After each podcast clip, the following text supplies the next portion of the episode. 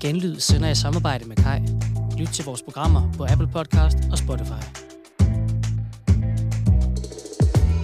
Men hører jeg dig så sige, at vi skal til at bombe steder, hvor der er kvinder og børn? Ja, selvfølgelig. Det bliver vi da nødt til. Coronavirus har vi haft i os hver 6. måned hele vores liv. Så du lægger også hånd på lår af kvinder fortsat? Omkring 20-30 gange om dagen, ja. Mm-hmm. Velkommen til Det Ledige Standpunkt, programmet, hvor vi siger ting, vi ikke mener, og mener ting, vi ikke siger. Jeg er her til aften flankeret af mine kære medværter, Konrad. Konrad, sig hej. Goddag. Louise. Halløj. Og Kasper. Hej med jer. Skide godt. Øh, på baggrund af vores første sender i sidste uge, som vi jo selv synes var øh, meget sjov og gik skide godt, der har vi fået lidt, øh, skal vi kalde det, konstruktiv kritik om, at vi måske lige skal tage vores øh, kære lytter i hånden, som øh, radiounderviseren nok også vil sige, øh, og ligesom forklare, hvad det her program er for noget. Øh, og skal vi gøre det helt kort, jamen, så kan vi sige, at det er et øh, såkaldt fiktivt debatprogram. Et debatprogram, hvor vi tager udgangspunkt i øh, virkelige sager og finder de ledige standpunkter og forsøger ligesom at argumentere for dem. Det kan både være for lol, men det kan simpelthen også være for at få en forståelse af, øh, hvad argumenterne er, og, og hvorfor der mange gange er flere sider øh, af en sag. Er der nogen, der har noget at supplere der? Ja, øh, og man kan jo øh, altid, som øh, Kasper også nævnte, forstå den ironiske distance med, med det Magnus Barsø, øh, debatredaktør på Politiken, han sagde. Og hvad var det nemlig, han sagde, Kasper? Jamen, han skrev jo på, øh, på Twitter den øh, 6. september 2021, det ledige standpunkt er ofte ledigt, fordi det er idiotisk. Og jeg kan jo komme med en lille teaser, både til, til jer i studiet, men også til lytterne derude, at øh, i næste uge, der kommer der måske noget, som omhandler lidt af det her, som I kan glæde jer lidt til. Men det kan vi jo, øh, det kan vi jo se til i næste uge, fordi nu, nu skal det nemlig handle om noget helt andet. Det skal det nemlig. Vi skal tage fat i et øh, 100% aktuelt emne. Det bliver ikke mere dagsaktuelt end det her. Kvindernes internationale kampdag. Og øh, Kasper, vil du ikke lige prøve at forklare, hvorfor er det, at den her dag er så vigtig og speciel? Jamen, som mand er det jo lidt specielt for mig at skulle sidde og fortælle, hvad det er, kvinder skal kæmpe for. Fordi jeg har det jo meget nemt, kan man sige. Som hvid mand har jeg det jo. Altså, jeg kunne ikke have det bedre. Øh, Thomas Blackman vil kalde mig en udskældt race. Jeg vil sige, jeg har det. Jeg kunne ikke have det bedre at have siddet på, på toppen af fødekæden. Øh, øh, den sociale fødekæde. Øh, altid. Øhm, der er rigtig meget for kvinder tilbage at kæmpe for, og øh, det er derfor, vi skal huske at hylde den her dag. Og, øh, og det synes jeg også øh, berettiger den øh, debat, vi skal til at have nu. Øh, jeg ved ikke, hvor meget mere jeg skal, jeg skal komme ind på lige nu, men øh, øh, jeg synes, Mads, hvis du nu kunne, kunne ligesom kunne give mig et oplæg af en art, så kan jeg da godt smaske lidt på noget. Jamen helt sikkert. Altså, øh, derfra hvor jeg står, øh, så ser det ud til, at vi i Danmark har, øh, og i hele verden generelt, har nogle ligestillingsproblemer. Øh, der er blandt andet noget med forskel i øh, løn, forskel i øh, pension og øh, flere andre forskelle. Hvordan ser du øh, på ligestillingen, som den ser ud nu? Det er et bredt spørgsmål, men prøv. Ja, men det er jo lidt sjovt, ikke? Fordi vi har jo netop øh, i dag set den her kampagne fra, fra nogle af de store øh, erhvervsledere, vi har herhjemme, med at vi skal respektere de her høje hæle i bestyrelseslokalet. Øh, fra virksomheder, som selv har, hvad er den, de, den virksomhedsleder, der har flest kvinder i sin bestyrelse i den her kampagne, har vel øh, 25% kvinder i bestyrelsen.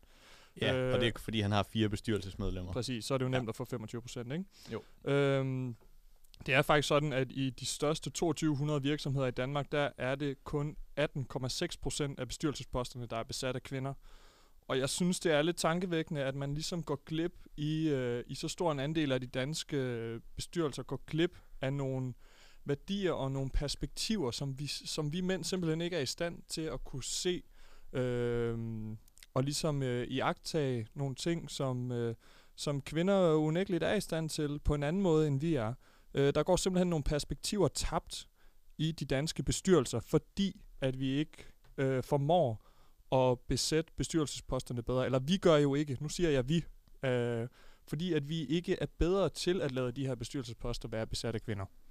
Og så skal vi videre til det, det hele handler om, nemlig det ledige standpunkt. Og øh, nu skal man passe på, at man ikke bliver trådt over sine øh, røde strømper derude. Men øh, Conrad og Louise, det er noget med, at I ikke er helt enige i det fine oplæg fra øh, min kollega Kasper.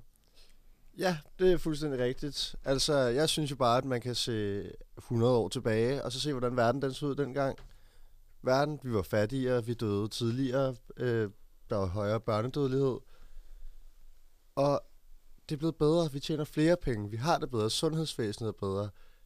Hver, alle os herinde er faktisk rigere nu.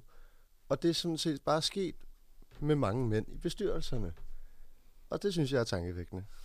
Men man kan sige, når du sætter tidsrammen på præcis 100 år, så frister det mig jo også til at udfordre lidt og sige, hvor mange år er det cirka siden, at kvinderne begyndte at øh, få stemmeret og komme seriøst på arbejdsmarkedet? Jamen, det er jo faktisk næsten 116 år siden. Fordi det var tilbage i 1915. Og der kan man jo, som øh, Conrad også siger, sådan, vi har fået det bedre, og vi er kommet længere, men sådan har kvinderne reelt fået det bedre. Der er kommet meget mere stress i vores hverdag. Vi skal gå på arbejde, vi skal passe børn, vi skal, vi skal lave børn, vi skal lave alle mulige ting. Vi skal stå for både, altså både passe arbejde, hvor vi tjener penge om dagen, og så når vi kommer hjem om aftenen, så skal vi stadigvæk lave alle de samme ting, som vi gjorde inden at kvinderne kom på arbejdsmarkedet. Så egentlig så tror jeg faktisk, det ville gavne os alle sammen meget bedre, hvis vi lige fik lov til at komme hjem og tage en slapper en gang imellem. Ja, Kasper? Ja, men det er faktisk meget sjovt, det du siger her, Louise, fordi noget af det, som jeg har tænkt på i dag, på kvindernes ka- internationale kampdag, det er, at, at vi ligesom hele tiden i den her debat definerer det her system, som kvinderne skal være en del af, som mandens system. Kvinderne skal være en del af mandens system. Kvinderne skal ind i de, bestyrelser, ind i de bestyrelser, hvor mændene sidder. Øh, måske burde man i virkeligheden kigge på, at kvinder, eller at, at vi som mennesker skulle nedbryde det her system, og, og netop måske tillægge nogle flere værdier til det, vi traditionelt kalder kvindefag. Øhm, altså altså de, de fag, der har den laveste løn herhjemme, det er jo sådan noget sygeplejersker, pædagoger, som, som øh, på, på en bred kamp er mest besat af kvinder. Burde vi måske ikke prøve at opprioritere de her fag, og dermed skabe noget mere ligestilling, og dermed skabe en anden måde at se det her system på, i stedet for at se det som kvinder, der skal passe ind i mændenes system. Jamen, altså ellers så synes jeg bare, at vi skal acceptere, at det er mændenes system, og at vi på 100 år ikke er kommet længere, end vi er i dag. Så derfor så altså, ville det måske bare være bedre at tage de kvinder ud af ligningen, og så give os lidt, altså, give os lidt frihed, og give os lidt øh, Louis Louis dag og, øh, eller bare Louis Louis liv, sådan så at man ikke skal ud og lave alt muligt, man ikke har lyst til. Ja, og også hvis vi trækker øh, alle kvinderne ud af bestyrelsesposter eksempelvis, og bare lå mændene arbejde, så kunne vi bare ligesom få altså, en arbejdsproces i gang. Vi kunne få genereret en masse flere penge, mere kapital til alle os. Så på den måde, så synes jeg faktisk, man skulle gå den anden vej. Giv kvinderne fri. Ja, de skal ikke arbejde. og der er også tit nogen, der snakker om, at øh, drenge de har lidt svært ved sådan at komme ud af starthullerne. Og ved at tage kvinder ud af ligningen, så sikrer man jo faktisk, at mændene er nødt til at lave noget. Fordi der, er ikke, der vil ikke være nogen til at gøre det for dem. Og det er jo rigtig interessante synspunkter, fiktive eller ej. Vi ryger direkte over til et dejligt stykke musik, og øh, Kasper, vil du ikke med din sprøde stemme lige introducere, hvad vi skal høre? Det vi skal høre nu, forhåbentlig, fordi at øh, der, der er sgu øh, teknikproblemer med, med Spotify, Spotify nede. Ja, men fristes til at spørge, hvem det er, der sidder og driver Spotify i dag.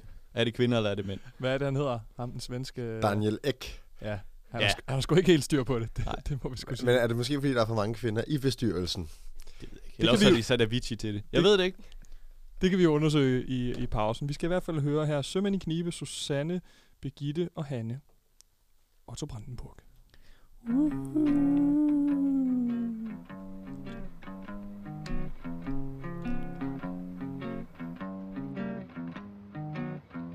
Alle sømænd er glade for piger Men min skat, du kan stole på mig det er fuldstændig sandt, når jeg siger At mit hjerte kun banker for dig Og lidt for Susanne. Birgitte og Hanne Og Tove og Anne Og Lissi og Kiss For uden Agnete Elisa og Grete Og Anne Marete Og Molly og Lis. Alle sømænd tager ud i det fjerne. Du skal vide om natten, når jeg står ved roret og ser på en stjerne, er jeg altid i tanken hos dig, og lidt hos Susanne, Birgitte og Hanne, og Tove og Anne, og Lisi og Kis, foruden Agnete, Elisa og Grete,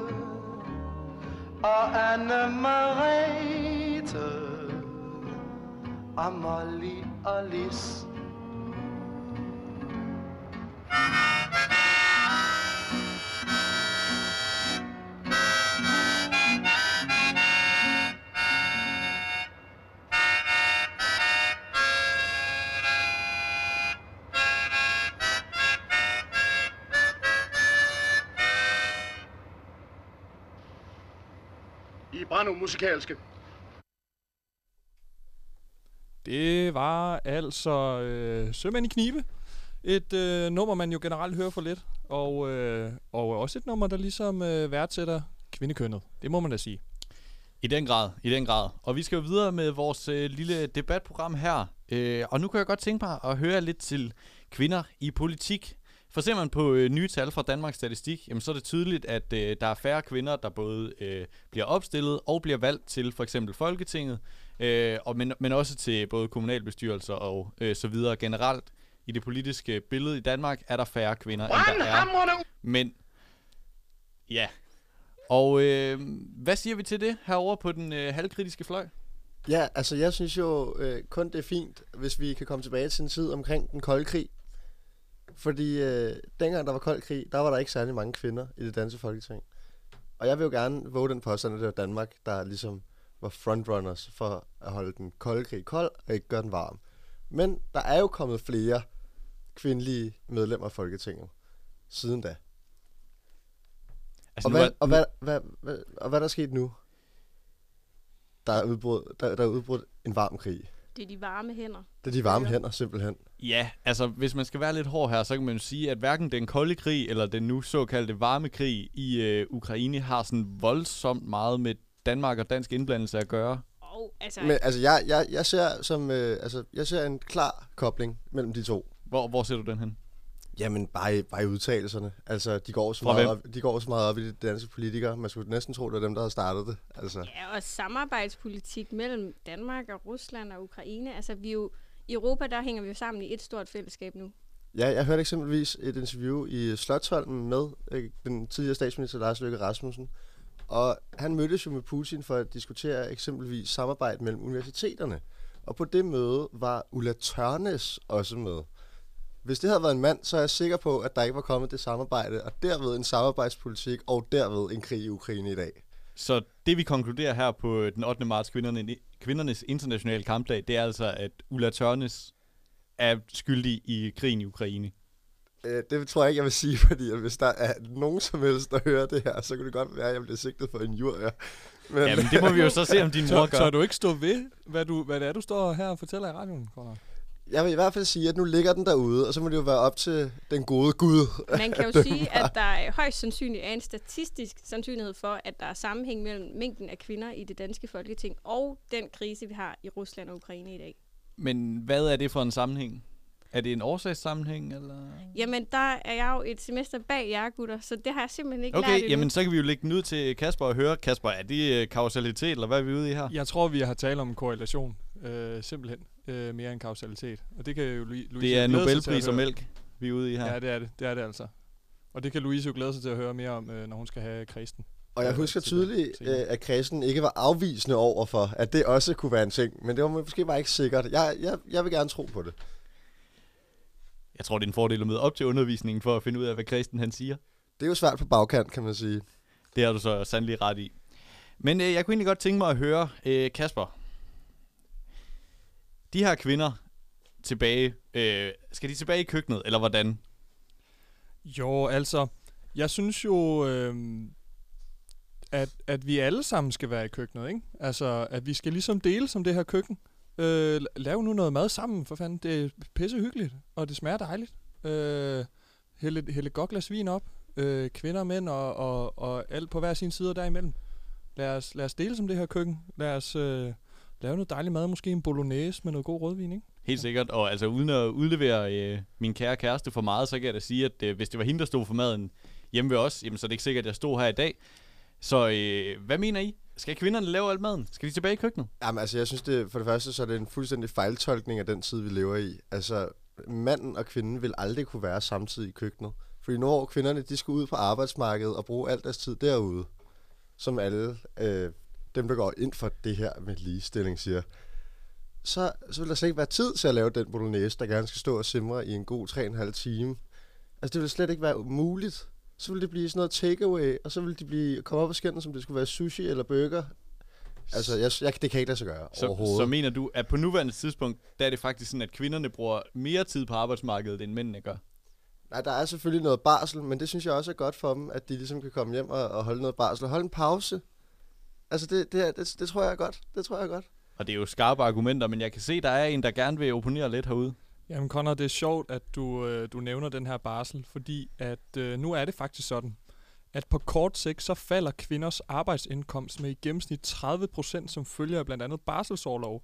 Men selv efter 10 år, så ligger deres arbejdsindkomst stadig i gennemsnit 20% under, hvad den ellers ville have været. Og, og for mændene, øh, så er arbejdsindkomsten altså i store træk upåvirket af, om han har børn eller ej. Synes du, det er fair, at, at kvinder skal, skal gå med den her øh, tabte arbejdsindkomst på grund af barsel?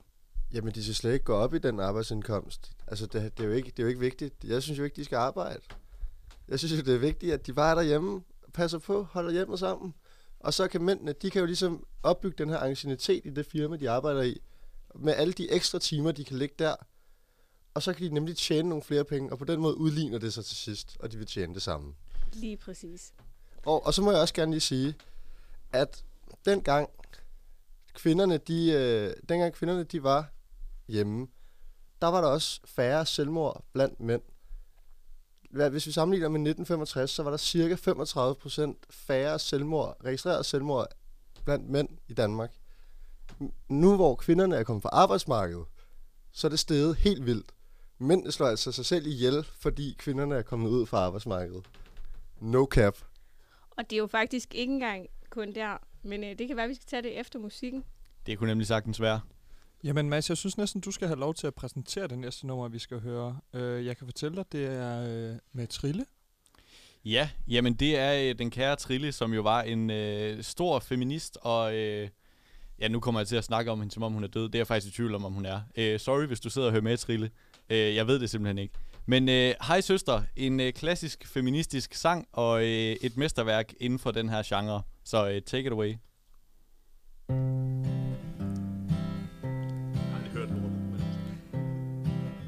Hey søster, kan du ikke se komikken, så står vi her igen. Med flætningerne langt ned i postkassen. Hey søster, det er ligesom bukseelastikken har fået et knæk. Og sikkerhedsnålen er sørme blevet væk. Så gik det kærlighedens år Hvad er det så, vi har lært? Hvad er det nu, vi forstår? Bliver stadig bedre til at slikke vores sår. Og dagene mørkner nu. De siger, at vinteren bliver hård i år. Mange flasker har vi slæbt helt hjem fra Irma i kærlighedens navn. Og Gud skal vide, de gjorde gavn. tunge tasker var vi ene om at bære med små usle panter på lykken vi fandt. Så gik det kærlighedens år. Hvad er det så, vi har lært? Hvad er det nu, vi forstår? Bliver stadig bedre til at slikke vores sår. Og dagene mørkner nu. De siger, at vinteren bliver hård i år. Yndigt var det At få krøllet nogen laner Og glatte dem ud. Og mærke natten på sin hud. Det er bare det med at klare det. Med mindre søvn end nogen aner Når morgendagen kræver sit. Og det ser ud som ungen har det lidt skidt. Så gik det kærlighedens år. Hvad er det så vi har lært? Hvad er det nu vi forstår? Vi bliver stadig bedre til at slikke vores sår. Det er godt for dagene mørkner nu De siger, at vinteren bliver hård i år. Hvad er den af? Skal vi høre de andre sige. Hun kan da vist alligevel Ikke holde på en mand. Den gamle arena Vel- vel- vel- vel- Velkommen tilbage til det ledige standpunkt, programmet, hvor vi siger ting, vi ikke mener, og mener ting, vi ikke siger. Vi har fuld gang i en øh, dejlig debat her på kvindernes internationale kampdag. Og i den forbindelse, der øh, hopper vi simpelthen direkte tilbage i debatstumpen her. Og jeg har fået et lille øh, pust i øret om, at Louise hun har nogle dejlige øh, argumenter for, at øh, jamen, det er noget med noget øh, befolkningstilvækst og øh, Danmark. Louise, vil du ikke selv øh, køre dig ud af? Jo, men det er jo fordi, i Danmark, der er vores befolkningstal jo nedadgående. Og det er jo ikke særlig smart, hvis man godt vil øh, være en stor øh, vækstnation i verden. Fordi i Danmark, der er det nemlig sådan, at hver kvinde kun får i gennemsnit 1,7 barn. Og det kan alle, øh, de fleste i hvert fald godt regne ud, at det giver jo et nedadgående tal. Og det er simpelthen fordi, at man som kvinde på arbejdsmarkedet markedet ikke har tid til at få børn.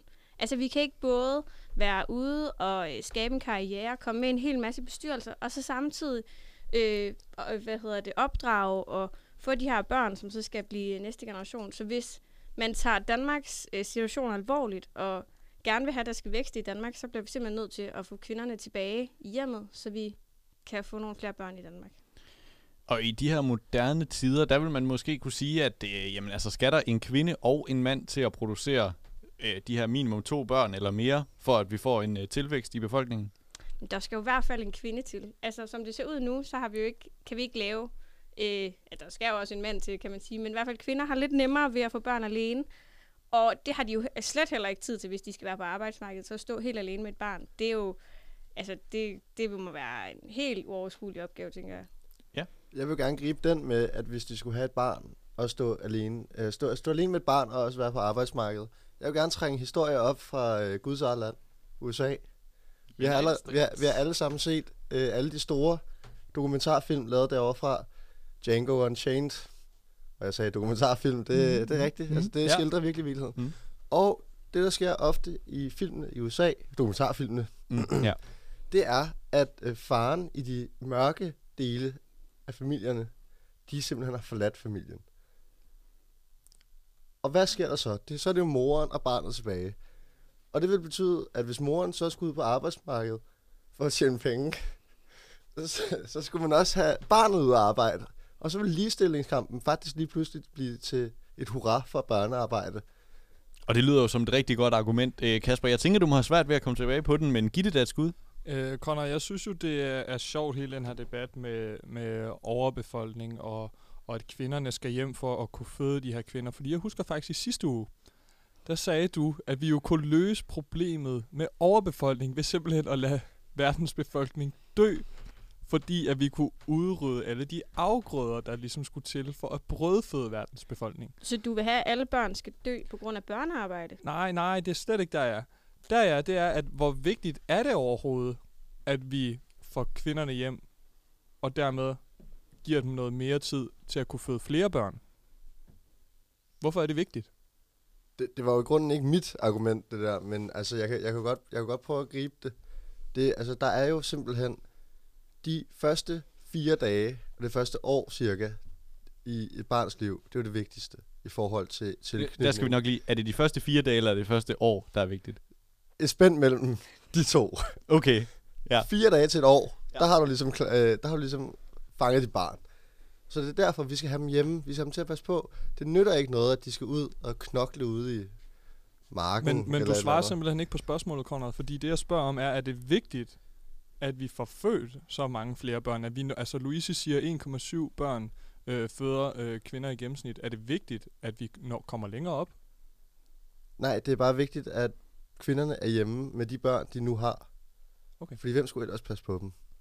Mænd er jo deres skrevet. far, måske? Nej, de skal jo arbejde. Han skal jo sidde i bestyrelserne. Ja, lige styre præcis. Hvem fanden skal så styre landet? Det fungerer jo allerede super dårligt med en kvindelig statsminister. Og det må jo i sandhed siges at være en øh, helt anden debat. Øh, men jeg tænker egentlig, at på den note, der lukker vi den her debat. Kom der noget konstruktivt ud af det, kan du måske sidde og spørge som lytter. Som vært kan jeg sige, aner det ikke. Øh, men det var sgu meget hyggeligt. Vi hopper simpelthen over til et stykke musik, og øh, kære Kasper, vil du ikke øh, introducere det stykke? Jo, det vil jeg i hvert fald. Men, men inden, jeg, inden, jeg, inden jeg præsenterer det her øh, stykke musik, så, så vil jeg gerne lige sådan træde ned for hele den her debatskammel og sige, at jeg synes, det er, er vanvittigt svært at køre de her debatter lige nu. Øh, og jeg synes, det er vanvittigt mærkeligt, at jeg skal stå og fortælle Louise, hvordan hun skal kæmpe på, på kvindernes internationale kampdag. Men det kan jo på en eller anden måde også være meget symptomatisk for, for hvordan verden er derude lige nu. Ja, Øh, jamen det er også det. Jeg vil også sige, at jeg står meget, og det kan godt være, der er varmt herinde, men jeg står også meget og sveder, fordi det er virkelig nogle vanvittige ting, man skal hive ud af ærmet herinde. Men det er jo også vigtigt at sige, at øh, nogle gange, så skal der også bare være plads til at synes noget andet end alle andre. Det er jo ikke alle kvinder, der rent faktisk synes, at det er fedt at være på arbejdsmarkedet. Dem skal man også huske. Og hvis du øh, vil vide mere om det, så laver jeg en feature om det lige i øjeblikket. Her kommer, her går det godt med Ip Grønbæk. Speak up, søster. Glædelig kampdag. Woo! Jeg er glad, vi er danske, for med hår og med godt. Jeg er godt tilfreds med tingene, som de er. Der skal mig også dygtig, der regeringen vi har fået. Ja, de kold, de whisky nok, om det skal være. Det er helt i orden, vi skal om med mange penge i skat. Ellers så tror jeg, skimaskinerne går i stå.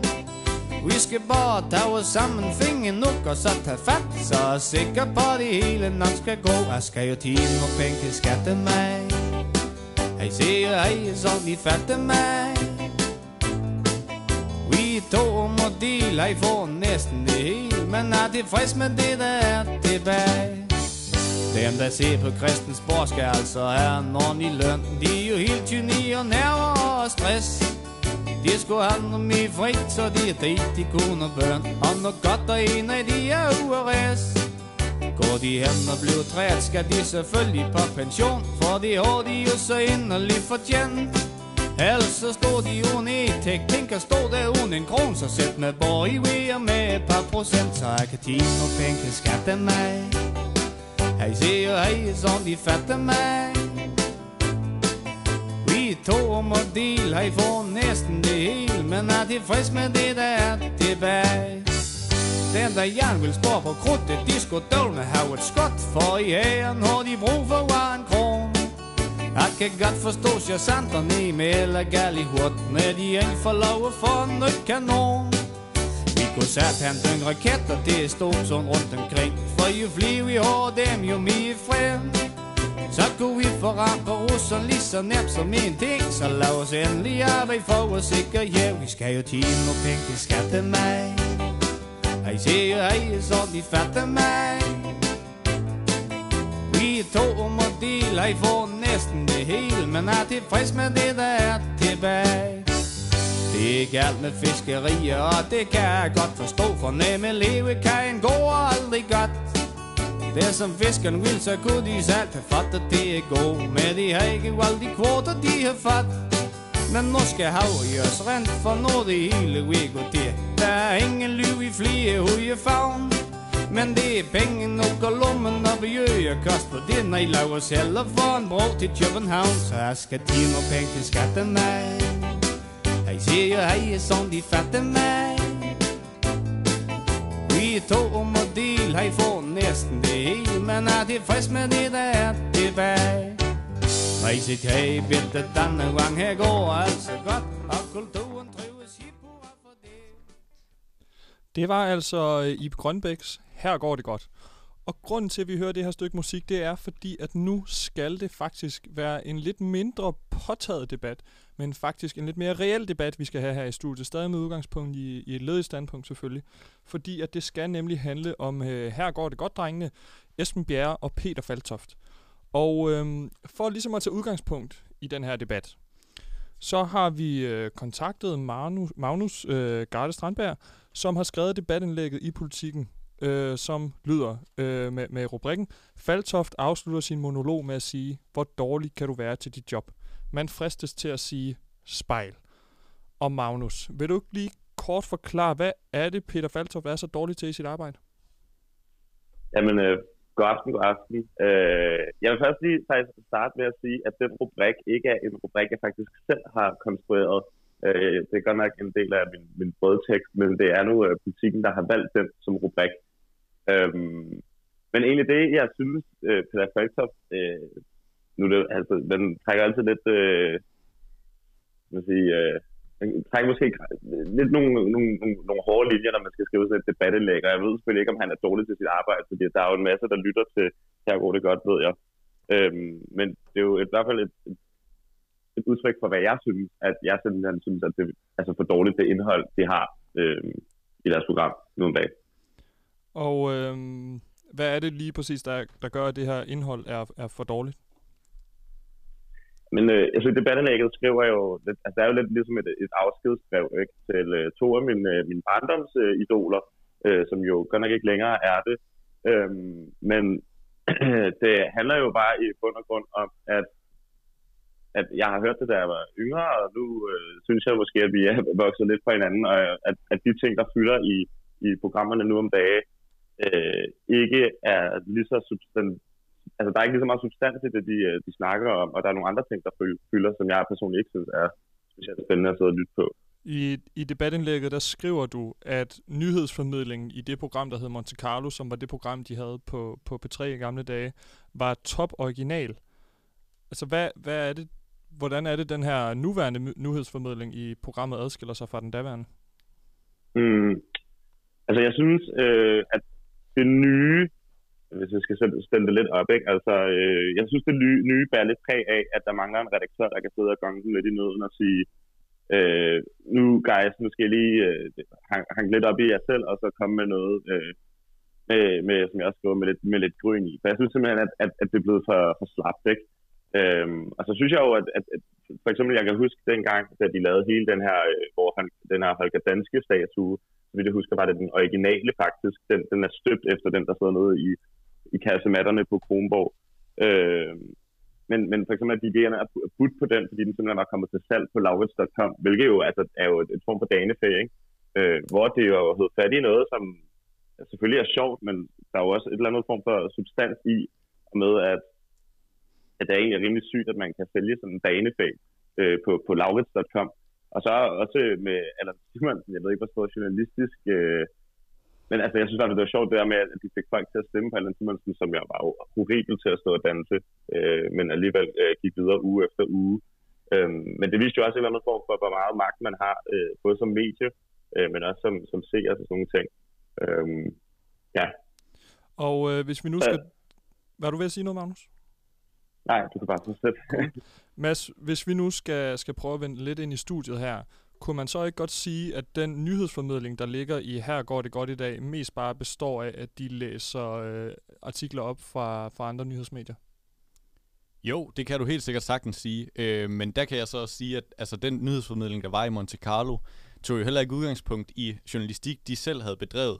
Den tog udgangspunkt i eksisterende historier. De snakkede om citater, de snakkede om øh, historier fra politikken, fra DR.dk, fra alle mulige andre medier, lige så vel som de gør det nu. Og øhm, kunne man ikke også, Magnus, på en eller anden måde sige, at, at fordi du nævnte før, at de havde en, øh, en kæmpe lytterskar, øh, ifølge dem selv i hvert fald, nu, nu må den øh, UMC være blevet mindre, efter de har gjort sig eksklusiv på Podimo, men kunne man ikke godt sige, at der ligger en eller anden form for public service værdi i at udbrede nogle øh, nyheder, som folk, der måske ikke følger med i det gængse nyhedsbillede, ellers ville øh, få øre for? Altså, jo, selvfølgelig. Altså, det kan man jo altid argumentere for, og der er sikkert øh, flere, der, øh, der, der får... Øh, altså, det er altid godt, at der er flere, der får nyheder, ikke kun nyheder selvfølgelig. Øh, nu skriver jeg jo debattelægget for et altså, et personligt synspunkt, øh, hvor at jeg siger, at, at jeg personligt ikke får noget ud af at lytte til det længere. Øh, men jo, helt klart, jeg er der masser af venner, der, der, hvor jeg tænker, at de måske ikke er så flittige til at åbne en avis, hvor, at, øh, hvor de sikkert får nogle, nogle, nogle lidt skæve og skideskøre øh, historier fra, ikke? Øhm, og måske også noget med, med altså, hvor, hvor de kan få et eller andet indblik i noget, de nødvendigvis ikke ville have fået et indblik i. Øhm, men som sagt, altså det, det er jo skrevet fra et personligt synspunkt, øh, hvor jeg må bare sige, at, øh, personligt så synes jeg ikke, at, at jeg har fundet specielt meget ud af at øh, høre, her går det godt. Øhm, ja. I debatindlægget, der, der øh, lægger du også op til, at en af de personlige grunde, du har til ikke at følge med længere, det er deres øh, troværdighed, som du mener falder fra hinanden med de kommersielle aftaler, øh, de laver. Du mener ikke, at de brands, øh, de allierer sig med, reelle brands, som de øh, vil omgås med eller bruges. Du nævner især det her Shaping New Tomorrow som, øh, som et brand, øh, de to her nok ikke selv vil iklæde sig. Øh, de her indslag, de fylder måske 10 minutter i, i hvert program. Hvorfor er det, det er så vigtigt med de her øh, sponsorater? Altså, det er selvfølgelig det er jo vigtigt for dem, fordi det er dem, der betaler kildet. Men, ja, men altså, nu tænker jeg mere øh, i forhold til dit forhold til mm. programmet. Mm, jamen det er fordi, altså, der er jo altså, enormt meget integritet bundet op på journalistik, ikke? og sådan er det jo med, med alle former for journalistik. Øh, jeg synes bare, at, øh, at man har jo, når man har fulgt med, som jeg også har gjort med Esper Peter i, i mange, mange år, at man også har fået et eller andet form for øh, personligt forhold til dem, og, og ved nogenlunde, hvad de synes er fedt, hvad de øh, slet ikke synes er fedt. Øh, og så når jeg sidder og lytter til et program, hvor at lige pludselig, at jeg skal sidde og høre, hvor fedt Shaping New Tomorrow er, så har jeg bare enormt svært som lytter ved at tage det seriøst. Både i forhold til de nyheder, de kommer med, men selvfølgelig også med, at de, vi mister bare sindssygt meget af person, altså integritet over for, for mig som lytter. At jeg skal sidde og, og tage deres ord for gode varer øh, i forhold til nyheder, når jeg slet ikke gør det øh, i forhold til det, de ligesom sidder og, og snakker om er fedt, altså i form af reklamer. Ikke? Så, så jeg synes, det bliver sådan lidt øh, svært for mig som lytter at sidde og skildre mellem, øh, synes de reelt, at Shaping New Tomorrow, hvilket jeg, altså, jeg har ingen grund til ikke at tro, at de synes, det er et forfærdeligt øh, mærke. Øh, øh, og så skal jeg samtidig også sidde og, og, og få en eller anden nyhed, øh, som jeg også synes er åndssvag. Øh, jeg ved ikke, jeg, jeg synes bare, at det er, sådan, det, det er lidt et udtryk for at, at sælge sig selv til, til højstbydende, ikke? at man egentlig lægger, giver afkald på al sin journalistiske integritet for at få en, øh, en ordentlig sum penge. Fordi jeg er 100% sikker på, at der er en masse øh, fine brands derude, som helt klart godt vil betale fint for at, at, at have en reklame i deres øh, hvad hedder det, program, som sikkert også vil passe langt bedre ind, og hvor de også selv kan stå inden for produktet, fordi du skal ikke bilde mig ind, at de kan stå inden for det. Ja, det kan de jo så godt, eftersom de har valgt det, men i min bog er det ikke et, et mærke eller et brand, som de nødvendigvis vil kunne stå inden for øh, ja, under normale omstændigheder, hvor de ikke har fået en pose penge for det. Conrad, du, du markerer. Har du en kommentar? Jamen, jeg undrer mig bare egentlig over, fordi jeg kender dig jo som en, som en meget, meget, meget fornuftig og belæst, øh, en belæst herre, og som, som jeg forstår det, du siger, så jeg bliver i tvivl om, om du kan skildre det her med, at der ligesom er en fast reklame, som jo betaler for, som de også nævner, at de kan sende det ud, som er så populært. Og så er det det journalistiske del. Er det, kan man ikke bare skille de to ting ad, og så sige, ja, jamen, de får de penge her, og så derfor kan de lave det, som så mange virkelig elsker. Mm. Jo, altså afgjort. Altså, jeg, jeg, jeg, jeg vil ikke sige, at jeg nok ikke øh, kan skildre det. Øh, det, kan, det er jo et spørgsmål, om der er andre, der kan det. Nu siger du, at jeg har læst her. Altså, jeg vil da mene, at jeg har regnet dem ud, men der er sikkert en masse mennesker, som ikke har regnet dem ud, som, som har købt en masse Shaping News Tomorrow, øh, uden nogensinde, at Peter eller Esben selv vil, øh, vil gå i det. Og det er jo, det er jo sådan, det fungerer med sådan nogle der øh, altså betalte samarbejder.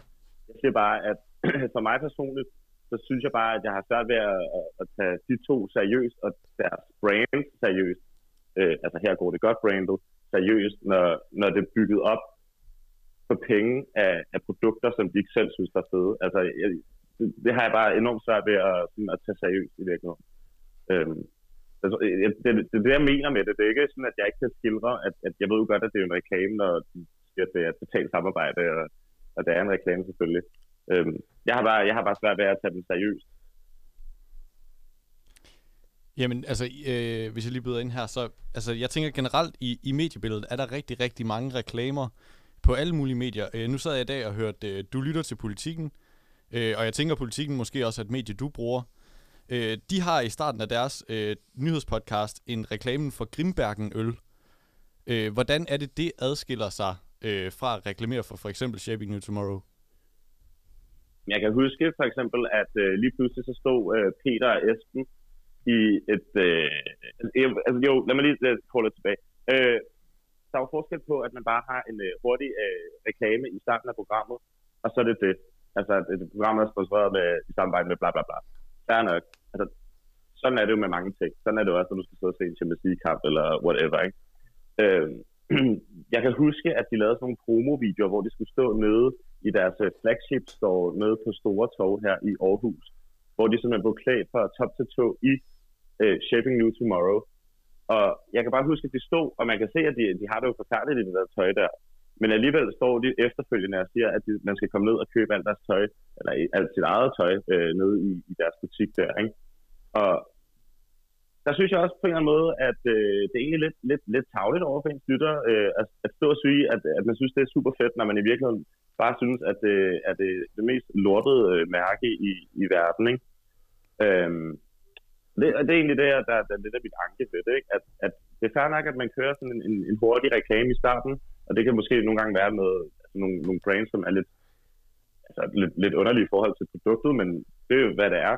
Men når det er, man så også skal stå og ligesom lege sådan en hånddukke for, ja, det er vel Jesper Buch, man skal stå og være hånddukke for, så, så, så synes jeg bare, at det er virkelig ærgerligt.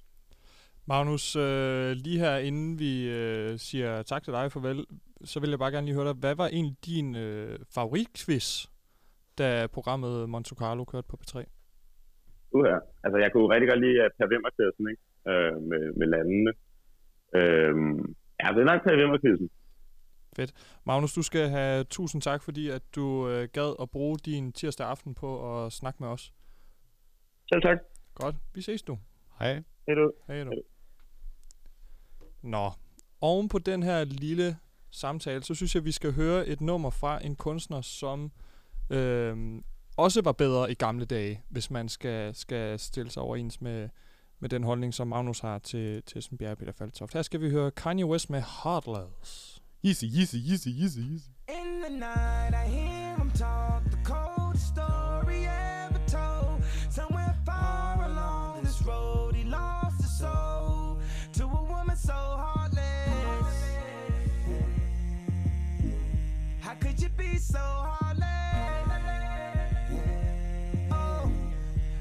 you be so heartless? How could you be so cold as the winter wind when it breeze, yo?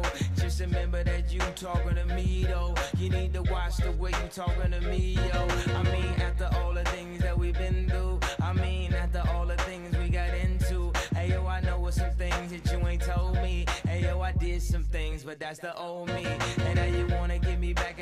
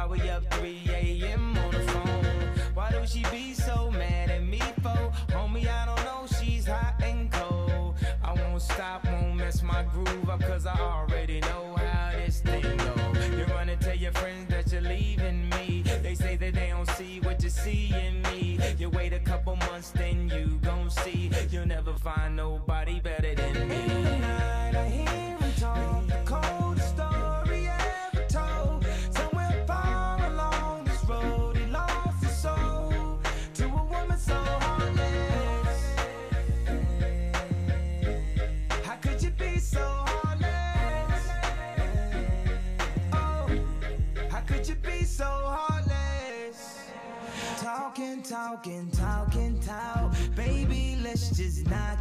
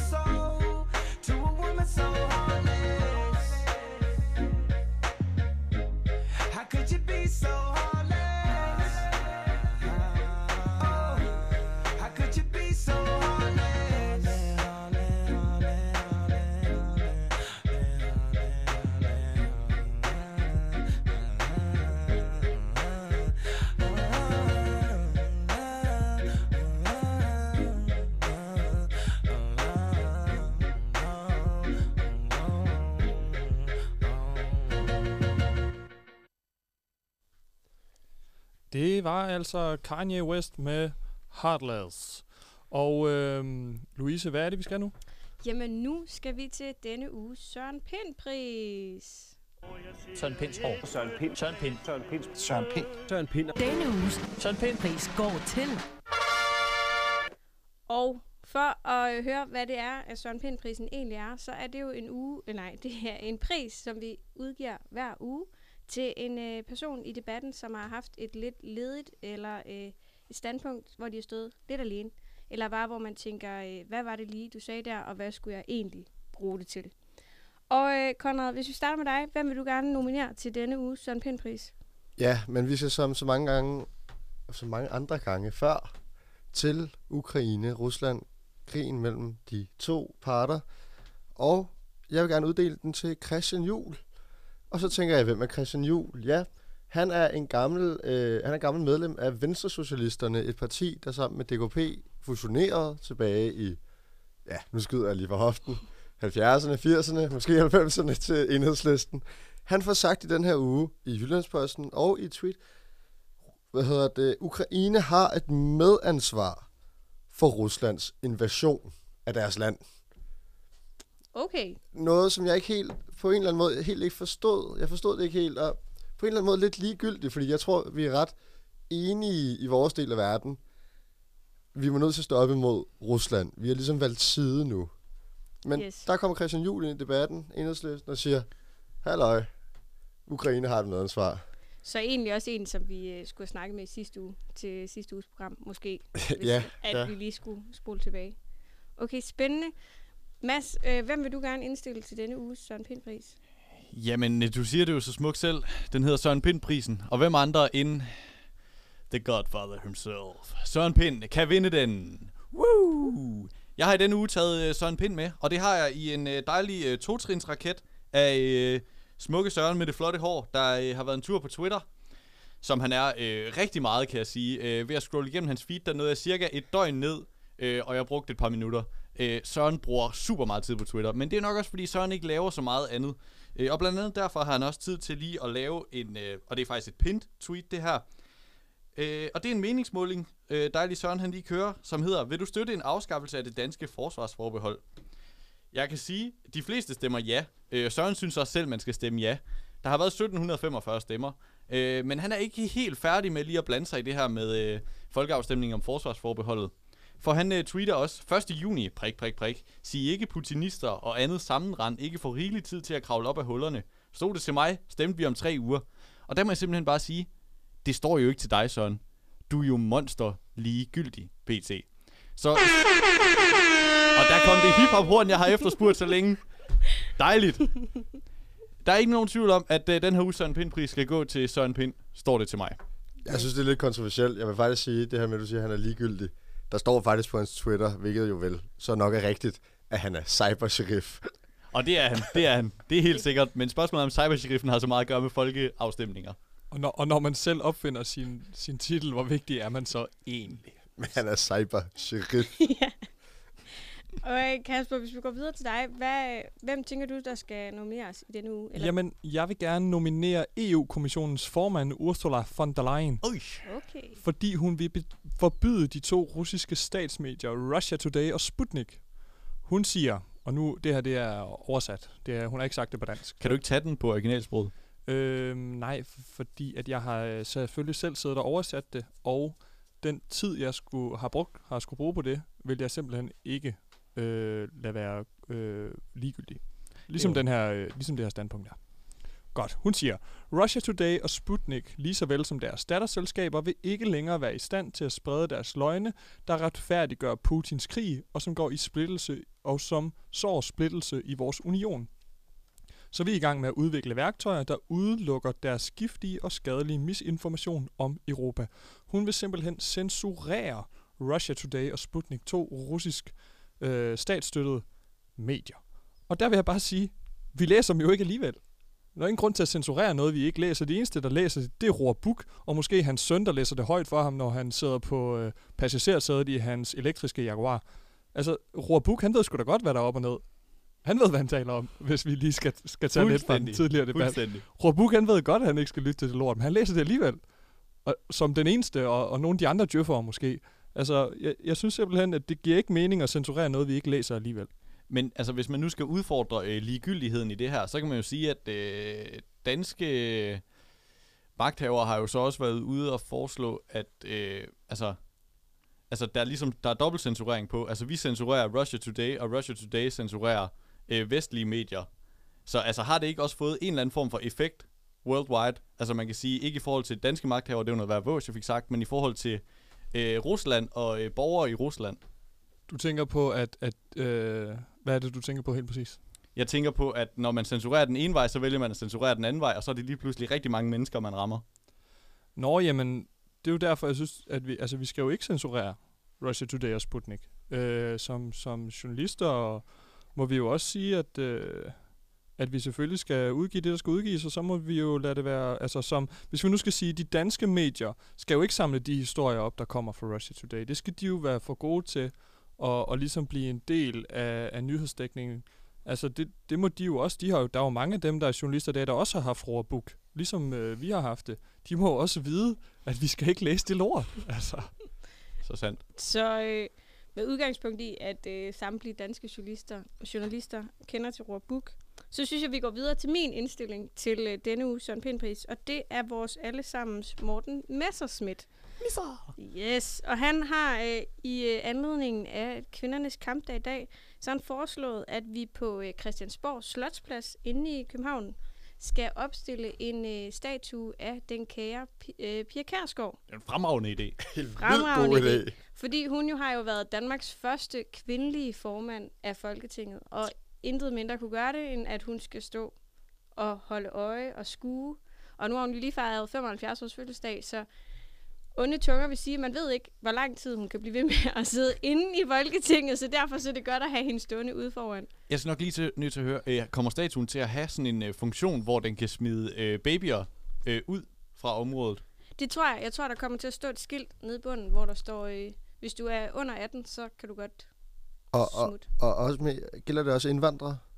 Det, det står der ikke noget om i uh, tweetet. Men, det kan blive et stort skilt, kan man sige, hvis ja, piger altså, skal have alle... Der øh, kommer til at være en lille stjerne, og så kan man, øh, øh, hvad hedder det? Det er måske lidt farligt for piger at blive associeret med en lille stjerne. Nå. en QR-kode, hvor Okay. man kan Okay. læse resten af forbeholdene. altså, det synes jeg jo overhovedet ikke er ligegyldigt. Jeg synes, det lyder som en fremragende idé.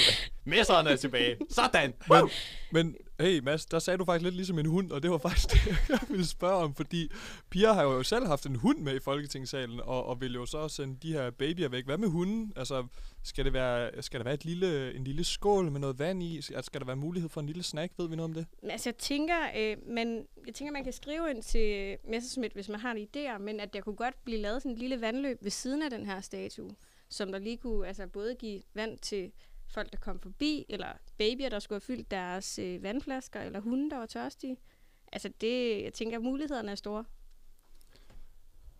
Ja, det, det, det er klart. Det må, vi jo, det må vi jo tage forbi messeren, hvis det skal være. Det må vi tage forbi. Helt sikkert. Men øh, nu har vi jo fire øh, gode bud. Vi har øh, Christian Juhl, som øh, mener, at det var Ukraines skyld.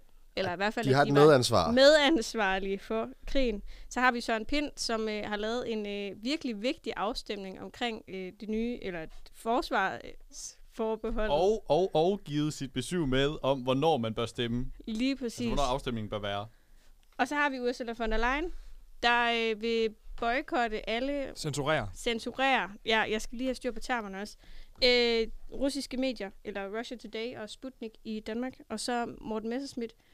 Og jeg ved ikke, gutter, hvad, øh, hvad tænker I er det mest ligegyldige? F- først tænker jeg, at Sput- var Sputnik ikke en hund?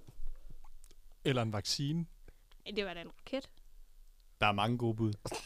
Det var en raket, Var det ikke Leica. Leica hed hun. Nå, det var Leica, den hed. det er godt. Så lærte vi også noget i dag. Ja.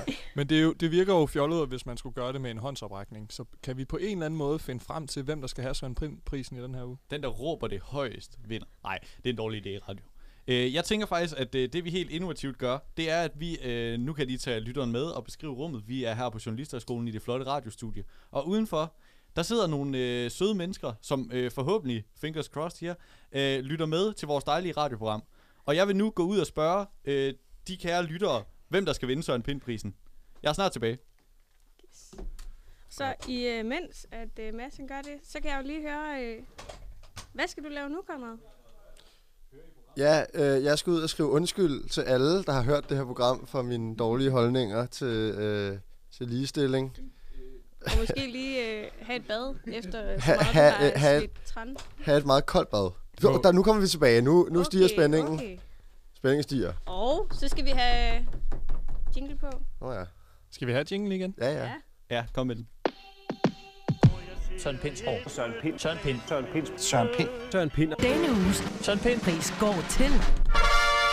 Søren Pind! Hey! Tillykke til Søren Pind. Det bliver, jeg glæder mig til at overrække den til ham. Det gør jeg altså. Det er altså nu to tidligere øh, venstremedlemmer, der har fået de to første... Eller, det er to venstremedlemmer. En tidligere, en nuværende, der har fået de to første Søren Pind-priser. Ja, der kunne jo godt tegne sig lidt et mønster der. Det siger lidt om partiet. Det er i hvert fald noget, vi skal holde øje med, tænker jeg. Helt klart, helt der, klart. Der, der, det begynder at ligne en tendens, ikke? Jo, jo. Ligesom i Folketinget, ligegyldigt. Altså, det er, jo, det er jo det, vi kalder en GF-steam. To gange i træk. Så er vi i en steam. Godt. Louise, nummer vi skal lukke på, det er et nummer, du har fundet til i dag. Ja, det er jo... Øh, ja, det er jo, der er jo for en slutty, vi skal høre nu. Og mange, de øh, forbinder ham med en pisk, men det er faktisk ikke det eneste, han kan. Han kan lave en hel masse andre gode bangers. Og øh, jamen, jeg tror faktisk, nummeret, det, vi lader det tale for sig selv. Det er kvindernes kampdag. God kampdag alle sammen, og tak for i dag. Vi ses igen i næste uge. God Eller kampdag. Ja, god kampdag. Tak for i aften. Tak Sov godt, mor. Min ven, vi er alle mænd. Hey! Love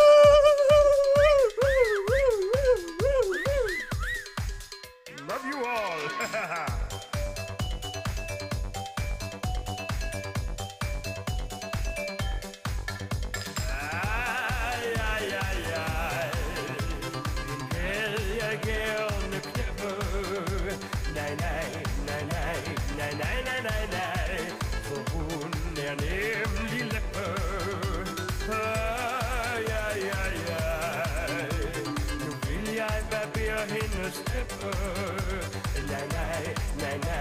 Nej, nej, nej, nej, nej. For hun er en kæmpe læppe. Jeg ser på en pige, ja hvad skal jeg sige? Jeg ser hun er smaskvod i kussen For satan nu kører bussen Og så er der mjav til her Knudsen hun skulle have noget pik, men det ville hun ikke For hun vil jo kun slikke og fiske Hun står op, når hun skal tisse.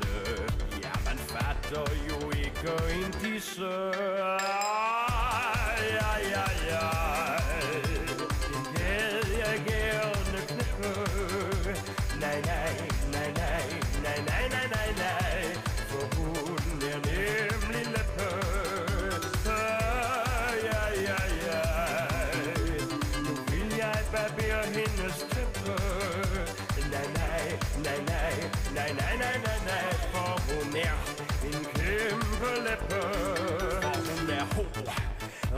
meget ho.